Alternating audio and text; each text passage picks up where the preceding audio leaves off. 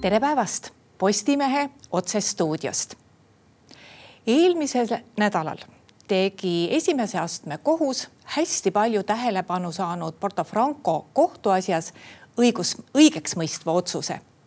ja paar päeva varem oli teatatud, et väga pikaks veninud Tallinna Sadama kohtuasjas on prokurör palunud ennast taandada seetõttu, et ta ei jõua asjaga kurssi viia.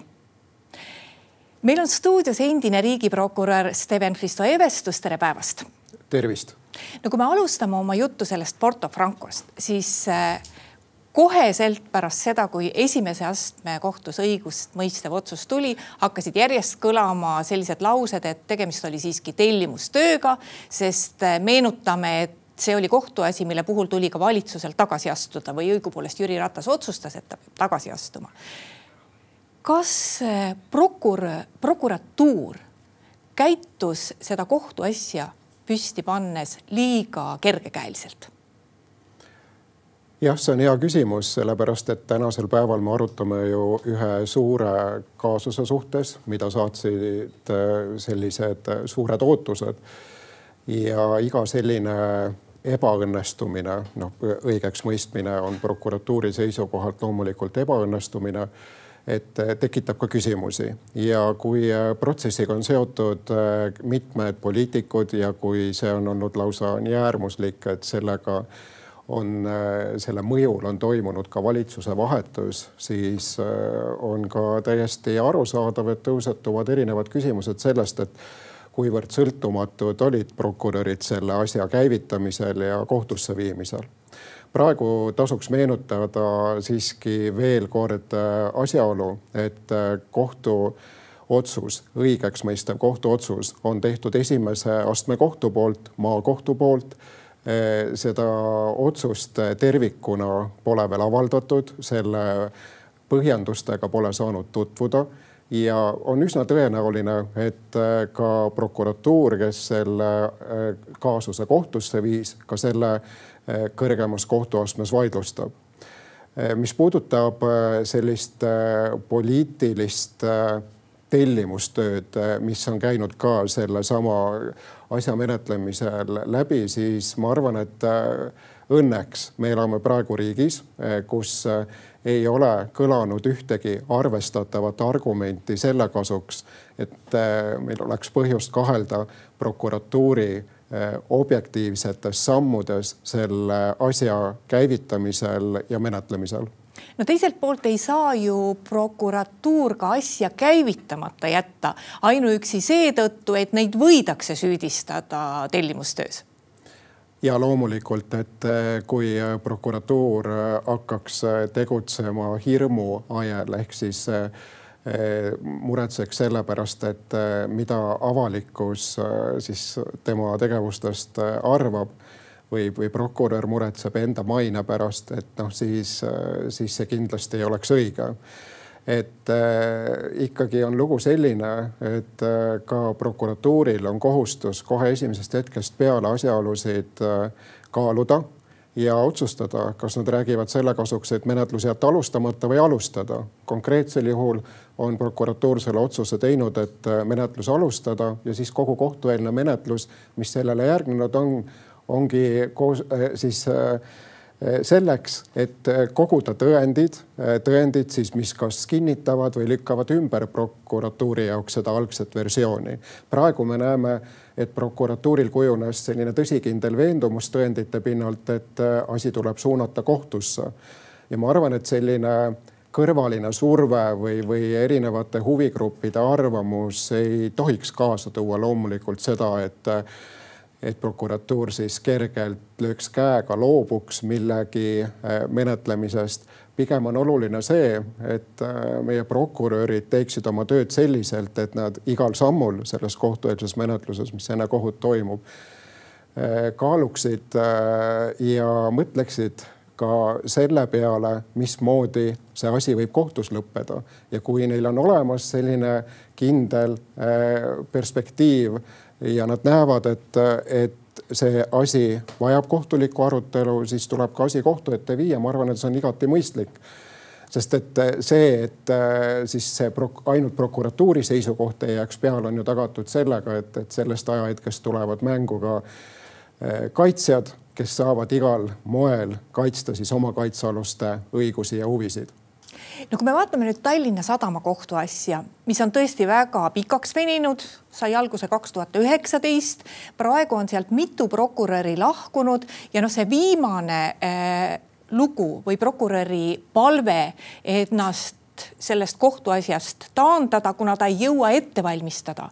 et Äh, mida see prokuratuuri kohta räägib, et loomulikult äh, noh, ka kohtunik ütles, et väga aus väljaütlemine, et äh, prokurör ütleb, et ma ei ole selleks kohtuasjaks valmis, aga miks prokurörid lahkuvad kohtuasjast?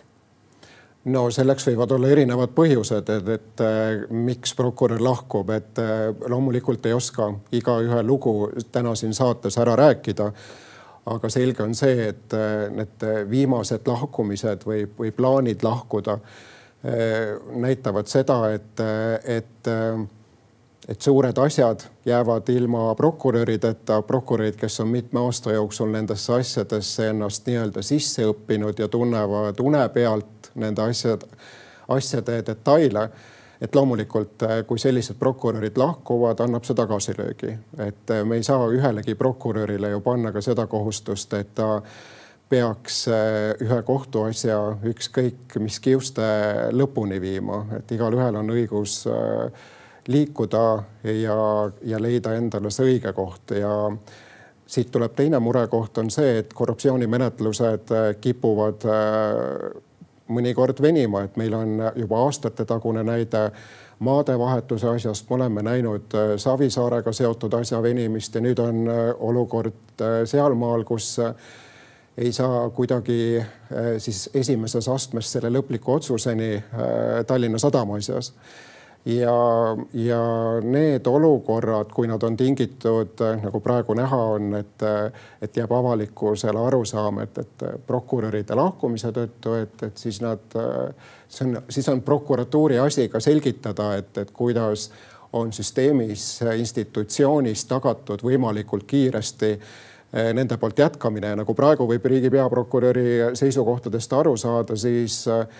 see kohtulik uurimine on peaaegu läbi ja, ja prokuröril ongi aeg valmistada kohtuvaidlusteks ja loodetavasti see prokurör, kes prokuratuuris välja valitud sai, saab mõne kuu pärast ka kohtuvaidlustes suurepäraselt hakkama kas te usute, et Tallinna Sadama kohtuasjas jõutakse üldse tulemuseni, et kuivõrd ohustab seda kohtuasja aegumine, et see lihtsalt lähebki liiga pikaks? Ma ei ole loomulikult ise selle menetluse keskel olnud ja ma ei oska seda ka lõplikult hinnata, sest et seal menetluses on ka olnud läbi aastate selline üks põhiküsimusi ka selles, et, et mille järgi seda etteheidet teha, et, et kas me räägime siin eh, avaliku sektori või erasektori korruptsioonist ja, ja nii edasi, et seal on mitmeid rida õiguslikke küsimusi, mis peavad veel lahendatud saama ja mis võivad mõjutada ka, ka asja aegumist aga eh, oluline siinkohal on see, et, eh, et eh, Tallinna Sadama asjast me oleme tänaseks päevaks liiga kaua ja liiga palju kuulnud. Ja ma arvan, et kui mina olen kohtunud viimastel aegadel siis rahvusvaheliste hindajatega, kes uurivad meie head käekäiku korruptsioonivastases võitluses siis alati on meil üks murekoht jäänud, on see, et me ei ole osanud oma riigis leida sellist head lahendust, kus sellised suured mahukad menetlused saaksid ka eh, võimalikult kiiresti, kus sellise lõpliku menetlusotsuse, et me nii-öelda tajuksime avaliku huvi olemasolu teatud asjades ja et seda huvi tajuksid kõik, mitte ainult need, kes kõrvalpilguga asju jälgivad, vaid need, kes ka seda menetlevad ja et toimetatakse seda võimalikult kiiresti, sest ma arvan, et et ühiskond väsib ära pikkadest menetlustest ja ühel hetkel tekib ka selline tunne tavainimesel, et jah, et ma võin ju sellisest korruptsioonikahtlusest teada anda, aga, aga see ei jõua ju niikuinii mitte kuskile ja see ongi olnud Eesti kodanike põhimure, kui nad on sel suvel siis Euroopa Komisjoni korruptsioonibaromeetri küsitlustes vastuseid andnud, et, et nad pigem jätavad teatamata või reageerimata, sest asjad ei jõua kuhugile. Ja just sellised kohtuasjad süvendavad seda hirmu no kui me nüüd meenutame sellist esimest suurt ja väga pikka korruptsiooniga seotud kohtuasja, mis oli maadevahetus, siis maadevahetuse puhul ju esimese astme kohtus ei tulnud ka mingit õige, mingit süüdimõistvat otsust. ometi, ometi lõpuks see kohtuasi ikkagi jõudis tulemuseni ja siin maksab meeles pidada seda, et meil ei maksa äh, veel äh, nii-öelda kellelegi äh, joont peale tõmmata, ehk siis praegu prokuratuurile, et, et see töö on olnud väga-väga kehv ja halb. et meil on siiski kolmeastmeline kohtusüsteem Eestis ja maadevahetuse juhtum on hea näide sellest, kuidas esimeses astmes võivad olla kõik siis süüdistatavad õigeks mõistetud aga teises ja kolmandas astmes äh, võib see minna hoopis teistmoodi. mitte, et ma ei tahaks siin äh, kellelegi äh, nüüd kuidagimoodi süüd lisada või öelda, et, et Porto Franco või Vavrenjuki või, või mõne teise inimese kaasus peaks täpselt sama mustrit mööda minema ja lõppema. et seda kindlasti mitte, aga lihtsalt, et jätkem meelde, et et siiski kohtus on nii-öelda omad etapivõidud ja, ja, ja lõpuks äh, see lõplik tõde selgib, selgub ikka äh, lõpliku jõustunud kohtuotsusega. Aga ma võib-olla tahaksin ära mainida ka selle, et, et, et, et ka kaitsjate seisukohad seekord on põhjendatud jällegi selles vaates, et nad on toonud välja selle, et kui me räägime pikkadest menetlustest et eh, me ei saa ära unustada ka nende inimeste õigusi ja seda, et, et, et noh, et, et polegi nii ette nähtud, et pole ju nii ette nähtud, et need inimesed peaksid aastaid kohtu all olema. ja kui nad lõplikult õigeks mõistetakse, et siis tegelikult võiks siin olla tõesti mõtlemiskoht sellel, mismoodi eh, kompenseeritakse Eh, ka seda tõsist eh, mainekaotust, mis takistab edaspidi sellise täieväärtusliku ühiskonnaliikmena naasta. aga mis siis on ikkagi põhjus, et korruptsiooniasju menetletakse nii kaua? Eh, jah, korruptsiooniasju võib menetleda ka kiiremini, et, et see põhjus ma arvan, et ongi, et oleneb, oleneb sellest, et äh, kui inimesed on, äh, kes siis selle menetlusega seotud on, et on nõus oma süüga, siis,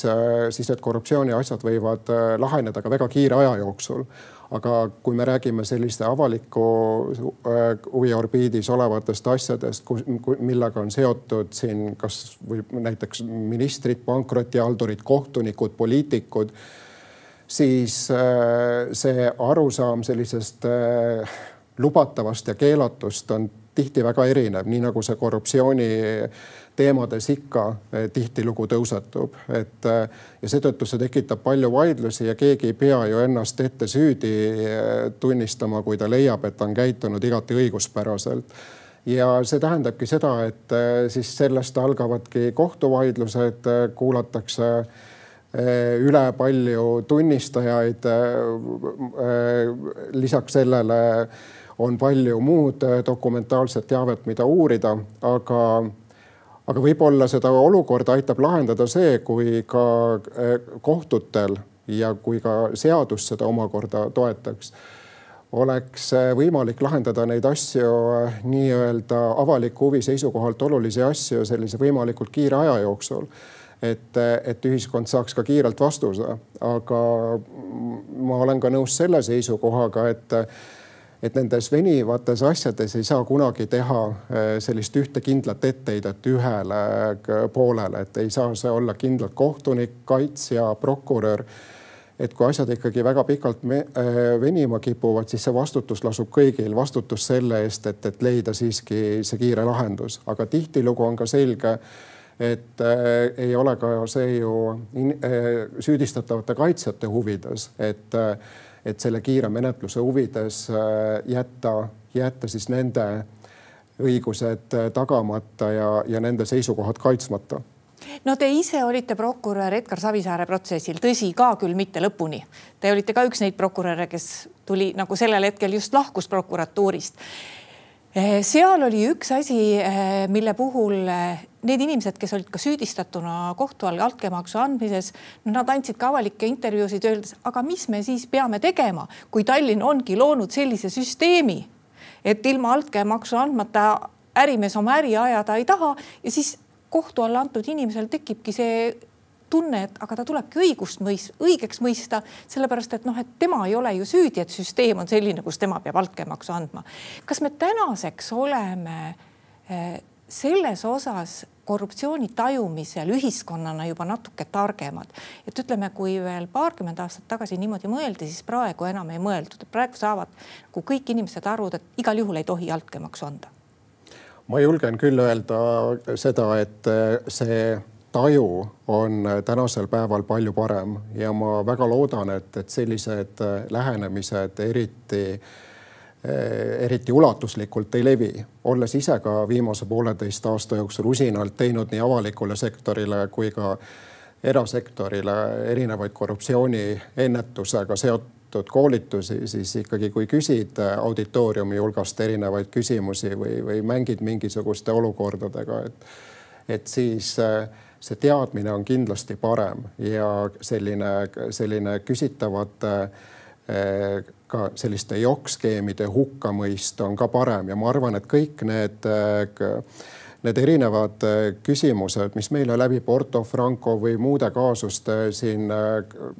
silme ette tulevad, et need kõik aitavad reguleerida ju just selle korruptsiooni tajumuse mõttes seda Eh, sisemist kompassi, et eh, just aitavad tegeleda enda sellise sisemise eetika väärtustega. ja ma arvan, et see on meie avalikule sektorile väga palju juba ikkagi mõju avaldanud. me oleme kõrgel kohal, aga meil ei maksa sinna magama jääda ja veidike tundub, et me olemegi jäänud eh, sinna kergelt puhkama, et me peame kogu aeg edasi liikuma ja me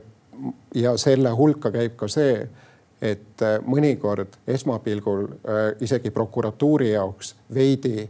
küsitavad kaasused või, või, või selgusetud kaasused on mõistlik kohtu ette viia, et saada ka kohtu seisukoht ja seda on ju võimalik ka täpselt minusugusel koolitajal eh, alati opereerida just nende kohtu seisukohtade otsustega ja leida sealt veel ka inimestest selline oma eetiline, moraalne lävi, et, et mida nad ei ületaks. nii et ma arvan, et sellega tuleb pidevalt tegeleda ja ja prokuratuur aitab ka oluliselt seda vagu künda vaat nüüd te viisitegi meie, meie juttu sinnamaale, mida alati siis meenutatakse, kui mõne suure eh, kohtuasjaga prokuratuur nii-öelda avalikkuse silmis ei ole hakkama saanud et aga on siis vaja neid äh, tühiseid väikesi asju teha, no alati tuuakse see Tartu abilinnapea näide, et on nüüd prokuratuuril siis tarvis jonnida ja kiusata inimest, äh, kuna õigupoolest nagu mitte midagi ei juhtunudki. mis hinnangu teie sellele annate? No ma annan sellise üld üldise hinnangu, et, et ma vaatan ka ju kõrvalpilguga neid asju, aga ma ka olen äh, siin lugenud prokuratuuri põhjendusi ja näinud äh, ikkagi ka kõikide nende asjade puhul, mida kohtusse on saadetud, seda noh, laiemat pilti, et, et kedagi ei ole nüüd sellise ainult ühe tühise äh, episoodiga, mis taandub eh, juukselõikusele või, või, või, või lillekimbu andmisele või, või mõne muu meene andmisele, et, eh, et ainult sellega kohtusse ka saadetud, et, et pigem, pigem ei tegelda ikka selliste juhtumitega, mis tegelikult noh, naeruvääristaksid kogu süsteemi. iseasi on see, mis äh, ühest suurest asjast lõpuks järele võib jääda, kui see asi liigub erinevate kohtuastmete vahel ja leitakse erinevaid õiguslikke probleeme ja lõpuks ei ole seal midagi ja me siis jällegi jõuame selle küsimuseni, et et mitte, et äh, öelda, et, äh, et süüdistaja on kuidagi oma ametiseisundit äh, teadlikult kuritarvitanud ja, ja, ja, ja kel, kedagi äh, nii-öelda alusetult kohtusse saatnud, vaid peame kaaluma ka seda olukorda, et kui erinevate asjaolude tõttu need süüdistused ära langevad, et milline on see mõistlik kompensatsioon ka sellele, kes nende äh, süüdistuste vastu pidi võitlema. Aga siiski, et enne seda, kui prokuratuur teeb otsuse, kas asjast üldse asja saab või mitte kui palju, kas prokuröre, kas prokuröre ikkagi üldse ei püüta mõjutada või püütakse? ja kui palju see, seda informatsiooni nagu enne lekki, võib lekkida kusagile mujale, et üldse keegi, kes tahaks mõjutada ja kes oleks nii või, mõjuvõimas, et ta võibki prokuratuuri mõjutada, et ta üldse teab, et mingisugune selline asi on õhus ma tahaks kahte asja öelda, ma tahaks esiteks öelda seda, et, et see, et prokuröri rollist nende menetluste juures ilmselt see, et korruptsioonikuriteod kohtus, nii nende kohtueelne menetlus kui ka nende kohtumenetlus ei veniks ja, ja et prokurörid võimalikult head tööd teeks, on ka mõistlik see, et et prokurör ja üldse riik seisab selle eest, et meil oleks sellised head spetsialiseerunud korruptsioonikuritegudele spetsialiseerunud prokurörid sest et eh, tegemist on kindlasti eh, keerulise valdkonnaga ja see nõuab, et, et ka riik eh, paneb ressursse sellesse, et, et sellised inimesed seda teeksid. ja teine pool on see, et loomulikult võib see juhtuda, et prokurör satub surve alla, et ma ei ole seda küll ise oma varasemas praktikas Eestis tunnetanud, et, et keegi võtab äh, telefoni, helistab prokurörile ja ütleb, millist asja menetleda, millist mitte, misjärel prokurör ka vastavad sammud siis teeb. et eh, selline süsteem meil loomulikult ei ole, aga, aga läbi eh, sellise äh, avalike kanalite eh, läbi meedia on ikka võimalik eh, prokuratuuri mõjutada, kasvõi hirmutada või, või, eh, või alavääristada ja, ja ka see võib pikas perspektiivis avaldada sellisele prokuratuuri menetlusvõimekusele mingit negatiivset mõju. Nii et sellist otsest ohtu ma ei näe, aga selleks peab olema kogu aeg valmis et, et, et kuskil võivad esineda mingid äh, konkreetsed huvid mingi menetluse jaoks ja ma arvan, et äh, prokurörid on juba kindlasti ka selleks treenitud, et nad äh, selliseid, kuidas öelda, lihtsalt lihtsalt sisutuid korraldusi täitma pimesi ei asu. suur aitäh teile tulemast Postimehe saatesse. ja aitäh ka kõigile neile, kes meid vaatasid Postimehe järgmine otsesaade on eetris kolmapäeval. seniks lugege uudiseid postimees.ee. thank you